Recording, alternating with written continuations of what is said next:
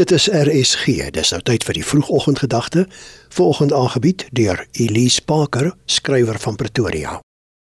Goeiemôre liewe luisteraar. Van dese week gesels ons oor 'n nuwe begin en tweede kansse, want dit is die mooi lente maand Oktober.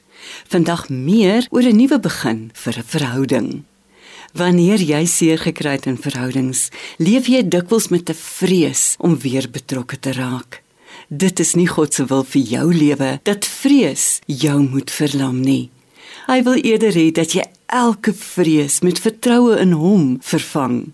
Vrees verlam jou en oorweldig jou deur jou weerloos te hou teen jou eie skuldgevoelens. Dit maak jou siek van angs en veroorsaak alleenheid omdat jy niemand vertrou nie. So maak vrees 'n tronk van jou hart. Jou emosionele angs keer jou ook om weg te kom van vreespraatjies wat jy met jouself maak. Jy's daardeur veroorsaak jy slaaploosheid. Dit lei tot lewensmoegheid. Hoe banger jy vir die lewe en al sy uitdagings is, hoe langer voordat jy weer herstellende verhoudings aanknoop. Petrus was bang om te erken dat hy een van Jesus se volgelinge is. Soveel so dat hy die status 3 keer ontken het. Hierdie reaksie het hom so 'n skuldgevoel gegee dat hy nie eers Jesus se opdrag wou aanvaar om sy kerk te begin nie. Hy het homself nie 'n kans gegee nie, maar Jesus het wel met sy tweede kans, sy nuwe begin, het Jesus met sy derde verskyning na sy opstanding aan die disippels hom 3 keer die opdrag gegee om herder van sy volgelinge te word. In Johannes 15 vers 15 lei een opdrag so: laat my lammers by.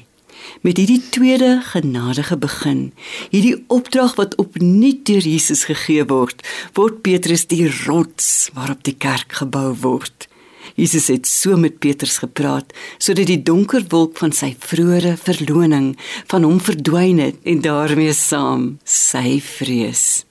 Hy word opgeroep om sy vertroue in sy lewensplan en liefde vir Jesus te gaan demonstreer. Vrees steel ons roepings.